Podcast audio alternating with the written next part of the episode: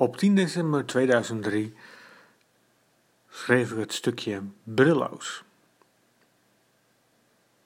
Ik knipper wat onwennig met mijn ogen, maar als ik in de spiegel kijk, zie ik mezelf scherp.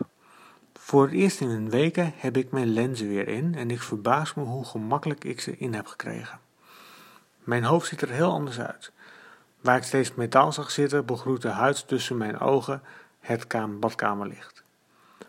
Zonder bril zie ik er een stuk beter uit, bedenk ik bij mezelf. En ik bewonder mijn gezicht nog eens goed in de spiegel.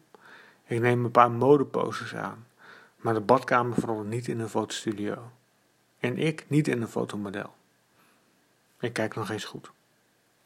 Hoewel,